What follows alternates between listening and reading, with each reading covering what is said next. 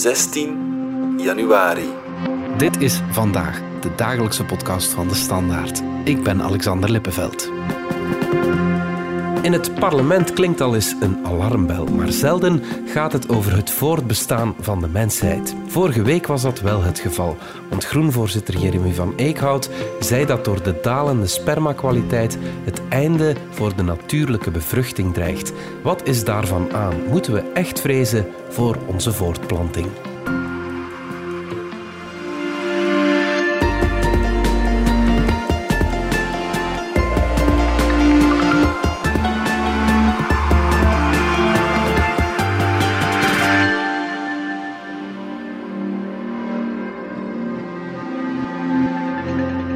Mevrouw de minister, uit een wereldwijde studie blijkt dat het aantal zaadcellen in sperma drastisch daalt op 45 jaar tijd. In de periode tussen 1973 en 2018 stellen onderzoekers een gemiddelde daling vast van liefst 62 procent. Eh, dat zijn toch hallucinante cijfers, 62 procent. En er valt bovendien een versnelling van de achteruitgang op te merken, waar ze tot ongeveer de millenniumwissel een daling zagen met zowat 1 procent op jaarbasis zitten we ondertussen op een daling tot 2,6 procent. En uroloog Piet Hoebeke besluit daaruit dat als deze trend zich zou doorzetten, de gemiddelde man in 2050 geen kinderen meer zal kunnen krijgen zonder hulp. Maxi Eckert van onze wetenschapsredactie, dat was de voorzitter van Groen, Jeremy van Eekhout, in het Vlaams parlement. Voor we het over de reden van zijn betoog gaan hebben, uh, toch eerst even checken bij jou naar uh, het wetenschappelijke van dit alles. Hè. Is het werkelijk zo dat we dat wij mannen ons zorgen moeten maken omdat onze spermakwaliteit aan het dalen is? Ja, het is wel echt een uh, doemscenario dat uh, Jeremy van Eekhout daar um, schetst. Mm -hmm. En ik kan me best voorstellen dat voor mannen um, indrukwekkend is om dat te horen. Mm -hmm. Dus misschien moeten we even kijken waar Van Eekhout het precies over heeft. Hij refereert naar een recente studie over de spermakwaliteit en hoe die zich de voorbije decennia heeft ontwikkeld. Mm -hmm. Voor die paper werden data uit meer dan 230 onderzoeken bij elkaar gelegd, een zogenaamde meta-analyse, om ja, met behulp van die massa aan data eigenlijk te kijken wat is er de voorbije decennia gebeurd met de spermakwaliteit. En die data gaan soms wel terug tot in de jaren 70. Oké. Okay. En als die onderzoekers dan al die data op een rijtje zetten, zeggen ze de concentratie van zaadcellen en sperma krimpt. En het ergste wat zij zien, of wat ze zeggen te zien, is dat die daling al wat sneller gaat. Dus sinds het jaar 2000 neemt de concentratie elk jaar met 2,64% af. Elk jaar, oké. Okay. En als je die lijn doortrekt, dan zakt de concentratie van zaadcellen en sperma tegen het jaar 2050 onder 15 miljoen zaadcellen per milliliter sperma. Oké, okay. um, nu ga ik een domme vraag stellen. Hè? Want 15 miljoen zaadcellen per milliliter sperma, dat lijkt mij nog bijzonder veel. Uh, maar dat is het niet. Nu ja, 15 miljoen klinkt inderdaad als veel. Maar dat is de grens waaronder er gesproken wordt van subfertiliteit of verminderde vruchtbaarheid bij mannen. Minder dan wat we als normaal zouden beschouwen. Of toch op dit moment als normaal zouden beschouwen. En naarmate het aantal zaadcellen en sperma daalt en de concentratie daalt, is er meer risico dat mannen het moeilijk krijgen om een vrouw te bevruchten. Ook al is dat nog altijd wel een groot aantal natuurlijk. Hè? Ja, ja, ja. Maar we mogen ook niet vergeten dat als we het hebben over de kwaliteit van sperma, het natuurlijk niet alleen gaat over hoeveel zaadcellen zit er in een milliliter sperma. Het gaat ook over hoe beweeglijk zijn die zaadcellen mm-hmm. en hoe is hun vorm. Dat stipte minister van Welzijn Hilde Krivits aan in haar antwoord op de ongerustheid van Jeremy van Eekhout. Mannelijke onvruchtbaarheid, waarvoor gevreesd wordt, heeft niet alleen met het aantal zaadcellen te maken, maar ook met de kwaliteit, de vorm, de beweeglijkheid enzovoort. Hoe dan ook, um, die daling in het aantal is wel een feit. En verder onderzoek naar de oorzaken van die achteruitgang en maatregelen om een verdere verstoring van de reproductieve gezondheid van mannen te voorkomen zijn absoluut aangewezen. In historische vergelijkingen ligt het voor de hand dat de vrouw wordt gekeken naar de concentratie van zaadcellen in sperma Gewoonweg omdat het, als je veel data wilt verwerken, het voor de meest handliggend is om te zeggen, we kijken naar het aantal zaadcellen in sperma. Dus vandaar dat die historische vergelijkingen, we spreken altijd over spermakwaliteit, maar dat het eigenlijk vooral in die concrete onderzoeken gaat over concentratie zaadcellen. Ja, oké, oké. En zijn we zelfs zeker dat de kwantiteit ook effectief afneemt? Ja, dat is dus een zeer belangrijke vraag. En daar um, is toch echt wel debat over onder experts. Mm En die twee groepen staan, ja, ik zou toch wel willen zeggen, lijnrecht tegenover elkaar. Er is één groep die ervan overtuigd is en er niet aan twijfelt dat de spermakwaliteit daalt. Onder hen ook professoren in ons land, waaronder professor endocrinologie Guy Chun van het UZ Gent mm en zijn um, evenknie aan het UZ Leuven, Leen Antonio. Mm Ze zijn allebei gespecialiseerd in mannelijke fertiliteit. En zij zeggen van, kijk, de meerderheid van de studies die we hebben zien verschijnen de laatste jaren wijst in dezelfde richting. Het gaat slechter met mannelijke zaad dan vroeger, zeggen zij. En gaan ze dan ook zo ver als de voorzitter van Groen, die zegt van tegen 2050 kunnen we geen kind meer verwekken op een natuurlijke manier? Nu moet ik toch wel even Jeremy van Eekhout tegen zichzelf beschermen of tegen ons beschermen. Hij zegt dreigt. Hij zegt niet dat het zo is. Dus dat wil ik toch wel even nuanceren. Uh-huh. Maar, dus de vraag is eigenlijk, mogen we die lijn doortrekken? Hè? dus dat is toch wel iets wat ook professor Chun en Antonio niet zomaar zouden doen. Want ja, niemand kan zeggen hoe dat de evolutie van de zaadcelconcentratie ja, zich verder ontwikkelt. Maar de vraag is ook, als we het hebben over de lijn doortrekken tot 2050, moeten we ons ook de vraag stellen, de lijn die we voor de voorbije decennia hebben getekend, is die dan wel juist? Daalt de concentratie van zaadcellen in sperma wel? Hm. En daar is dus veel discussie over. Zoals ik dat juist al heb uitgelegd, er wordt altijd gerefereerd naar studies, naar grote meta-analyses, waarvoor dat allerlei onderzoeken naast elkaar worden gelegd. Wat eigenlijk een heel krachtig middel in de wetenschap is, omdat je niet op één studie afgaat en één onderzoeksprotocol, maar je zegt van laat ons alles bij elkaar brengen wat we hebben. Maar dat is nu net een probleem in dit geval. Want als je zegt, we kijken naar de spermaconcentratie in de jaren 70 en jaren 80, ja, hoe werd dat toen gemeten? Met microscopen, zoals vandaag. Maar je kunt eigenlijk niet zeggen dat de microscopen die toen werden gebruikt van helemaal dezelfde kwaliteit waren als wat er nu in de labo staat. Mhm, mhm.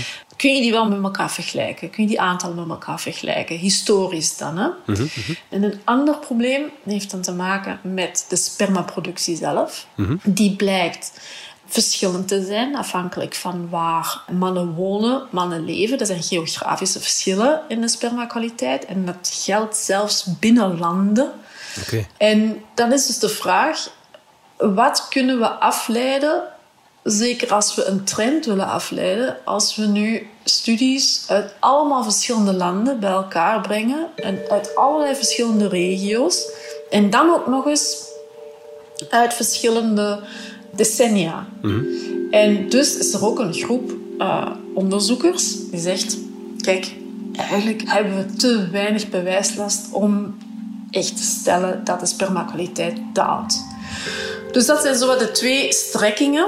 Waarmee ik maar wil zeggen dat er op dit moment geen consensus is die door iedereen wordt gedeeld van ja, de spermakwaliteit is aan het dalen. Ja, Die is er niet. Er is discussie over. Of dat we dat vandaag mogen stellen. Ja, oké. Maar laat ons toch nog eens ja, kijken naar wat die kwaliteit van dat zaad zou kunnen uh, beïnvloeden. Wat zijn de factoren die we kennen die een negatieve invloed hebben? Nu, wat een belangrijke rol speelt, dat is de levensstijl. Overgewicht en obesitas kunnen de spermakwaliteit verlagen. En laat nu net overgewicht en obesitas een wereldwijd groeiend probleem zijn.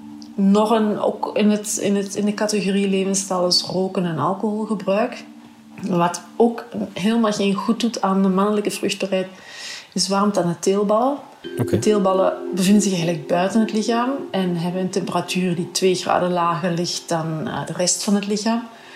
Er zijn ja, door ook weer onze levensstijl veel zitten, veel stilzitten, dus weinig ventilatie aan de teelballen eigenlijk. Mhm. Op de zetel bijvoorbeeld of uh, aan je bureau. Ehm, dat doet er geen goed aan. Dan zijn er ook zetelverwarmingen in de auto, waardoor dat ook die zeelballen weer worden opgewarmd. Denk ook aan de laptop die je op je schoot houdt. Dus dat zijn, dat zijn allemaal zaken die er geen goed aan doen. Ja, zelfs in bad gaan kan dan slecht zijn, eh, zou, ik, zou ik denken. Wel, ja, professor Chun die vertelde mij dus dat er al in het verleden experimenten zijn geweest rond anticonceptie. Om te kijken of dat het zinvol is om mannen echt een heet bad te laten nemen. Om de kans te verlagen dat ze uh, een vrouw zouden bevruchten. Maar dat um, is uh, stopgezet. Okay. ik weet niet waarom. Of tenminste, ik, niet stopgezet, maar ik denk het is, het is niet doorgebroken als anticonceptie. Want je moet natuurlijk wel anticonceptie, je moet wel iets hebben dat zeer betrouwbaar is. Hè? Ja, ja, en, uh, ik, een warm bad is dan iets zo... minder uh, betrouwbaar, ja. Ja, en vooral ook, uh, ja, je wilt natuurlijk komen tot een situatie waarbij je weet van, er is, is echt heel weinig kans dat er um, ja, een, dat, dat, dat goed sperma um, een eitje bereikt. Hè? Ja, ja. Dus uh, ja. Ja, oké. Okay. Maar goed, waar het de groenvoorzitter natuurlijk om te doen was, is niet dat mannen minder in een warm bad mogen zitten, maar wel dat er hormoonverstoorders aan het werk zijn die uh, het sperma aantasten. We luisteren even naar uh, zijn tussenkomst in de commissie in het Vlaams parlement. De hoofdoorzaak van de achteruitgang is de nefaste invloed van hormoonverstoorders, zoals Dergelijke stoffen waarin we in het dagdagelijkse leven continu mee in aanraking komen, cumuleren in ons lichaam. En ze uit het lichaam verwijderen is onmogelijk. Het is iets waar uh, ook onze fractie, en ik weet ook andere fracties, al heel lang bezorgd mee aan de slag zijn op alle niveaus. Maar die hormoonverstoorders zorgen trouwens niet alleen voor een dalende vruchtbaarheid, maar ook voor een toename aan genitale misvormingen. Ja, Maxi, uh, hormoonverstoorders, om te beginnen, wat is dat? Ja, hormoonverstoorders is eigenlijk een verzamelnaam voor allerlei stoffen. Dus chemische stoffen die uh, lichaamsvreemd zijn, dus niet iets dat we zelf aanmaken. En het zijn stoffen die de hormoonhuishouding in het lichaam verstoren. En op die manier problemen uh, kunnen veroorzaken of ontwikkelingsstoornissen. En dan is natuurlijk zeker bij kwetsbare groepen zoals zwangere vrouwen, kinderen, tieners, dus waar dat er volop zich leven aan het ontwikkelen is, kan dat echt wel een probleem zijn. Mm -hmm. Het zijn talloze stoffen. Hè? Ik denk dat er ja, meer dan 100.000 chemische stoffen bekend zijn of ervan verdacht worden dat ze hormoonverstorend zijn. Okay. Maar uh, dat is natuurlijk heel moeilijk om dat te identificeren en te onderzoeken. Hè? Ja, en blijkbaar zouden die ook een invloed kunnen hebben op de kwaliteit van het sperma. Dus twee grote groepen die ook um, best goed bestudeerd zijn, zijn de bisfenolen en de ftalaten. En van de bisfenolen en de ftalaten is aangetoond dat ze de beweeglijkheid van zaadcellen en de concentratie van zaadcellen in sperma verlagen. Maar, en nu komt het, we hebben geen idee of dat de invloed van hormoonverstoorders op sperma, of dat die invloed groter is dan factoren zoals roken en overgewicht. Dus het zou kunnen dat overgewicht het allerbelangrijkste is wat de vruchtbaarheid van mannen verlaagt. Maar het zou ook kunnen dat die hormoonverstoorders de belangrijkste rol spelen. Dus het is in die zin een zeer belangrijke vraag. Wat doen we met die hormoonverstoorders? En dat moet ook zeker verder worden uitgezocht en onderzocht worden. Het is zeker niet zo gemakkelijk dat we kunnen zeggen als we de kwestie van hormoonverstoorders oplossen, is alles opgelost. Het is een samenspel van al die factoren en we weten niet hoe groot de rol van elk van die factoren is. Het gebruik van bepaalde van die stoffen, bisphenol en ftalaten onder andere, dat is al aan banden gelegd. Zien we daar al de effecten van? Juist die hormoonverstoorders, toch zeker bisphenol A bijvoorbeeld, is aan banden gelegd. Sinds 2011 mag die stof niet meer verwerkt worden in babyflesjes uit kunststof. Okay. Nu, je moet weten dat hormoonverstoorders vaak in kunststof wordt verwerkt als weekmakers. En uit meting bij Vlaamse jongeren blijkt dat de concentratie van bisphenol en ftalaten in het lichaam al is gedaald. Ja. Dus je ziet, en daar heeft Van Eekhout wel een punt, dat als er iets mee wordt gedaan, als het beleid ermee aan de slag gaat, dan heeft dat wel degelijk een effect. En in afwachting van ja, het onderzoek daar rond, hoe kan je ja, hormoonverstoorders vermijden? Want je weet vaak niet dat je ze tegenkomt. Hè. Ik ben er mij nog nooit van bewust geweest, denk ik. Nee, dat is iets heel lastig. Want er zijn ook heel wat stoffen die ervan verdacht worden dat ze hormoonverstorend zijn. Maar omdat het niet bewezen is, worden ze nog niet gebannen. Hmm. Dus wat, wat doe je er nu mee? Je kunt natuurlijk, dus zoals gezegd, er zijn een aantal, hoe moet ik het zeggen, hotspots waar hormoonverstoorders uh, wel kunnen voorkomen. En daar kan je natuurlijk als consument wel bij opletten. Maar ook vaak hormoonverstoorders in zitten, dat zijn van die uh, luchtverfrissers en pesticiden. Dus ook daarom is het belangrijk om groenten en fruit te wassen en om de woning te verluchten. Um, hetzelfde met uh, nieuwe kleren of beddengoed. Was die voor een eerste gebruik?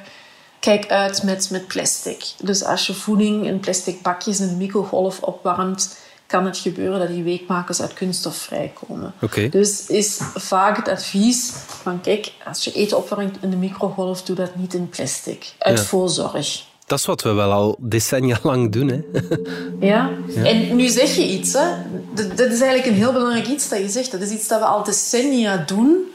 En waar je wel van ziet dat het bewustzijn er rond de laatste jaren wel toeneemt. Ja, oké. Ik denk niet bij iedereen even sterk, maar dat er toch wel nu vaker wordt gekeken wat zijn alternatieven voor plastic, voor plastic bakjes, voor plastic speelgoed, noem maar op. En dat maakt dus ook dat we eigenlijk niet weten van hoe gaat zich dat ook verder eh, ontwikkelen, de concentraties van, van, van hormoonverstoorders in het bloed. Helpt dat bewustzijn? Mhm. Of zijn er zodanig veel hormoonverstorende stoffen dat we er niet aan ontsnappen en komen er altijd maar meer bij. Er wordt een bepaalde stof verboden of mag niet meer gebruikt worden, bijvoorbeeld uh, in producten voor kinderen. Mhm. Maar dan komt er dan weer een andere in de plaats, waarvan dat we nog geen onderzoek hebben naar de hormoonverstorende eigenschappen. En het beleid is ook altijd op achtervolgen aangewezen, omdat er nu eenmaal altijd wel weer iets in de plaats komt. Dus dat maakt dat het eigenlijk, ja ja, een onzekerheid is hoe dat het verder uh, evolueert. Straks kijken we terug naar onze zaadkwaliteit, maar eerst gaan we er even uit voor reclame. De technologische innovaties en interessante condities bij Mercedes-Benz zetten je rijervaring werkelijk op zijn kop. Kom in januari langs bij Hedin Automotive en ontdek de vele ingenieuze luxe, veiligheids- en comfortpakketten op een breed gamma aan toonzaalmodellen.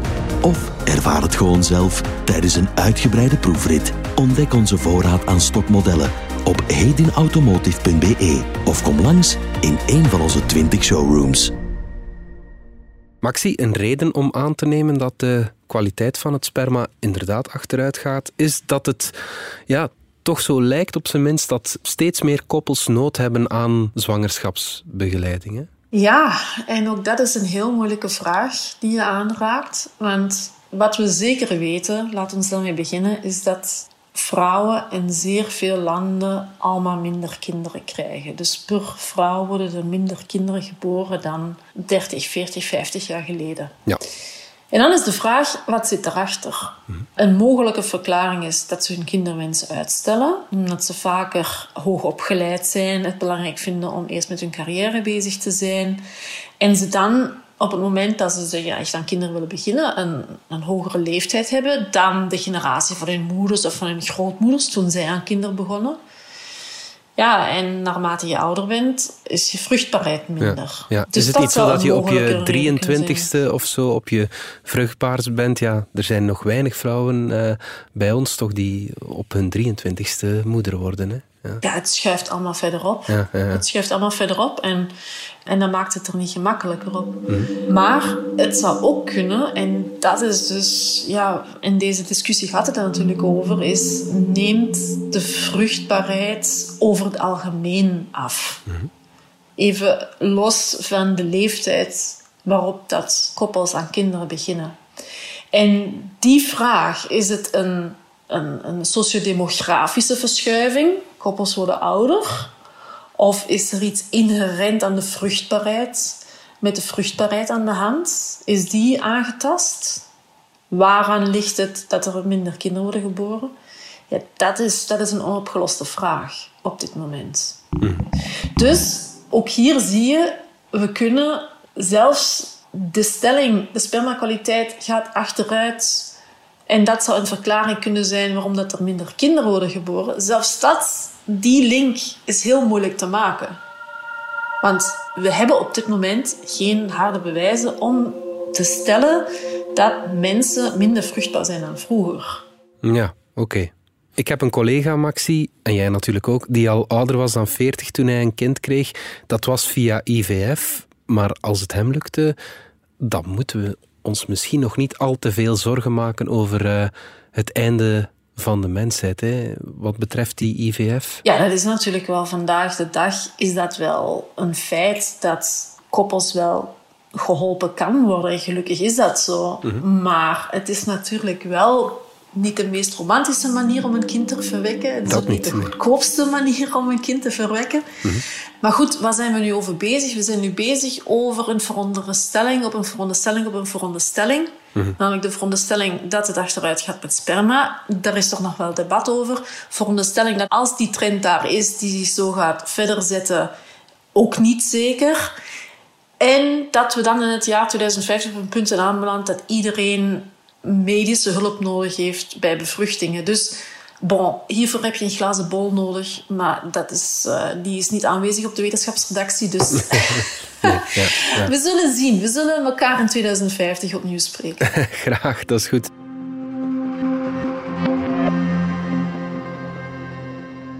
Dus ja, Maxi, je vindt het uh, niet erg als ik me nog niet al te veel zorgen maak. Ik zal het zo zeggen, ik vind het niet erg dat je niet meegaat in dat doemscenario. Mm Want dat is ongegrond om, om daar nu mee in je hoofd te zitten.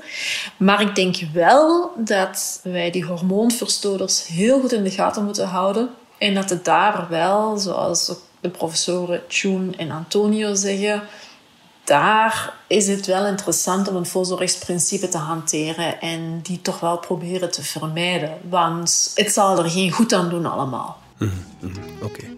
goed. Maxi Eckert, dankjewel. Graag gedaan. Every is sacred. Every